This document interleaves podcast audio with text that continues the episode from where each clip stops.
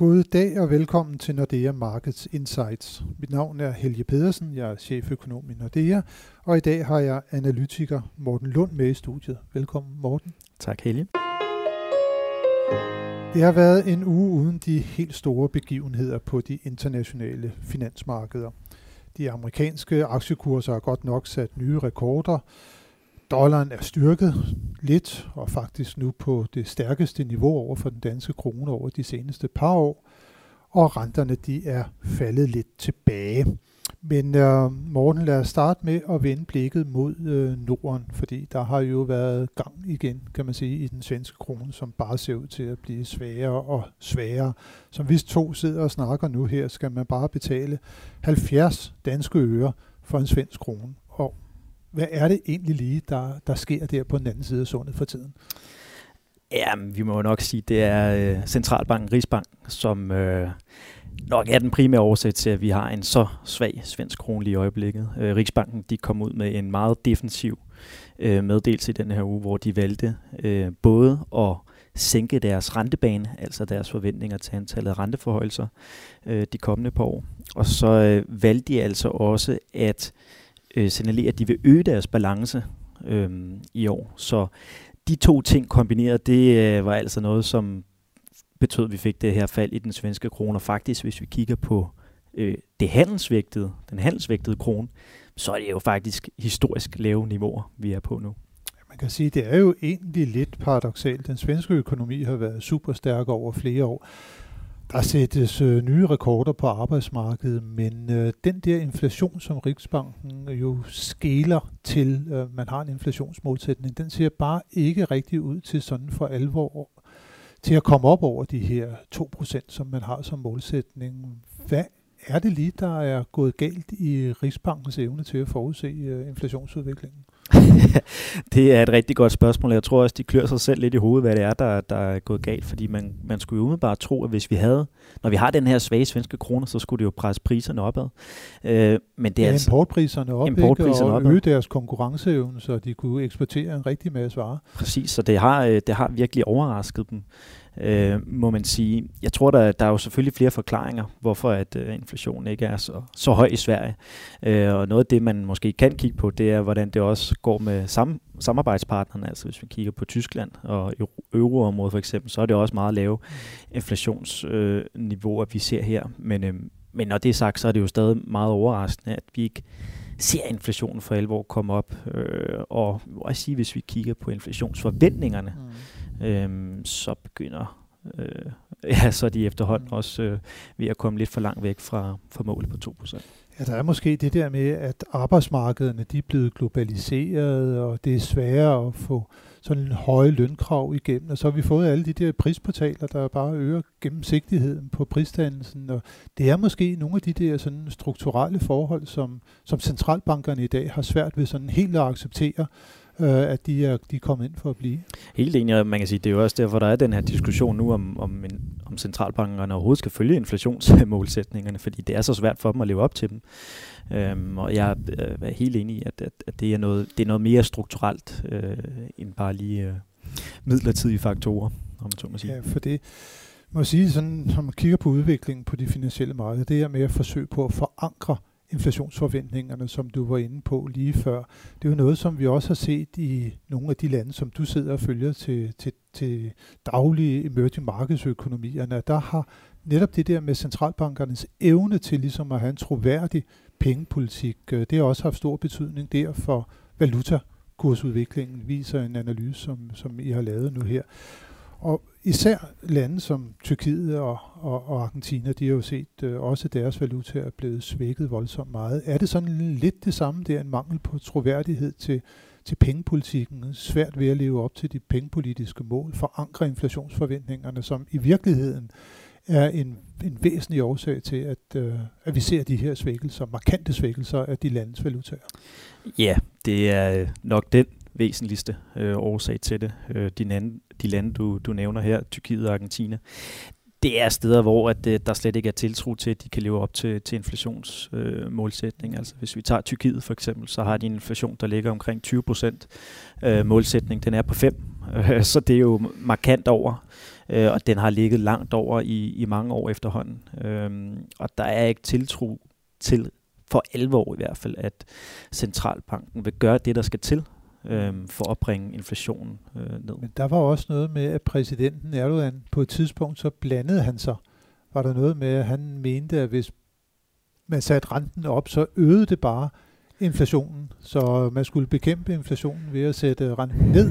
Ja. Sådan lidt omvendt af, hvad vi normalt øh, tænker som, som skolede økonomer. Ja, han, han har en lidt uh, uortodox uh, syn på, på tingene, uh, Erdogan. Og det er faktisk også en, en årsag til, at, at vi har set tyrkiske lige at få lidt flere tæsk uh, her i, i uh, foråret. Um, fordi han har været ude på banen igen og, og snakke lidt om Lian og uh, centralbanken og det er altså sådan, at når markedet ser Erdogan, han øh, begynder bare at nævne noget om den tyrkiske øh, lira, så er det altså tegn til mange investorer, så skal vi altså ikke øh, købe lira.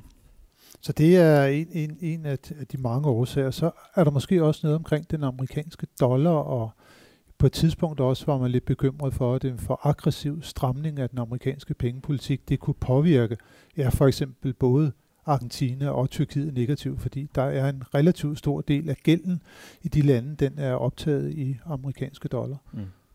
Ja, og det har været et, øh, et problem i mange år øh, i, i Tyrkiet og Argentina, Brasilien, øh, Indonesien. Mange lande, emerging markets lande, øh, har et generelt problem med det her, og det var også, hvis vi kigger tilbage sidste år, hvor det jo gik fuldstændig galt for emerging markets, så var det fordi, at dollaren den steg og den steg hurtigt. Mm. Øhm, og det satte dem altså under pres. Og det er også en af forklaringerne til, at vi har øh, svage EM-valutaer øhm, fortsat. Og men mm. dog må sige, at de er på sådan helt bredt niveau, så er de faktisk steget lidt i, i, øh, i 2019. Men det hænger så også sammen med, at øh, den amerikanske forbundsbank, de har øh, hvad hedder det, fuldstændig vendt rundt på en tallerken, mm. og ikke nu længere forventer nogen øh, renteforholdelser i, øh, i 2019. Men, ja. øh, der er så også, det kan godt være, fedt, de har skaleret lidt ned, men der er jo stadig den her vækstbekymring øh, generelt globalt set, og det er stadigvæk noget, som gør, at de her øh, emerging markets valutaer, de øh, hænger lidt i håndbremsen. Ja, nu nævner du det med, at Forbundsbanken i USA, Fed, øh, ligesom er vendt rundt på en tallerken. På et tidspunkt, der var der forventninger om ret markante rente stigninger, men øh, også måske efter Donald Trump han blandede sig lidt i amerikansk pengepolitik, så har Jay Powell så han øh, vendt rundt på en, en tallerken, og nu er Forbundsbanken tålmodig. I næste uge, så skal der jo være møde blandt, øh, blandt FOMC-medlemmerne. Øh, øh, rentemøde i den amerikanske forbundsbank. Øh, ved denne her tålmodighed, som der er lagt øh, for, for, for dagen her på det seneste. Er det noget, som man vil gentage, at man er tålmodig i lang tid fremover? Det kommer man stensikkert til. Øhm, Jay Powell, han vil på hvad hedder det, pressekonferencen efterfølgende, han vil sige, at vi skal være dataafhængige, tålmodige, som du nævner, og der kommer ikke til at blive pillet ved, ved renten et øh, godt stykke tid, i hvert fald ikke øh, i opadgående retning. Øhm, og det er jo bare for at signalere til markederne, at der, der er ro på. Øh, markederne er meget ops på, at hvis, hvis Federal Reserve de kunne bare give en antydning af at øh, lægge an til stramninger, så er det noget, som, som virkelig kunne øh, ramme blandt andet aktiemarkederne, som vi jo øh, så øh, ja. i slutningen af sidste år. Ja. Så det er de meget opmærksomme på. Har de noget sådan hensyn at tage over for emerging markets valutaerne, eller er de sådan, øh, altså nu nævner du, nu viser man hensyn til det amerikanske aktiemarked i den udførte pengepolitik, men har man samme form for, for kærlighed, om man så kan sige, til emerging markets øh, økonomierne, der skæler man også til, hvad der kan, kan ske i den del af verden?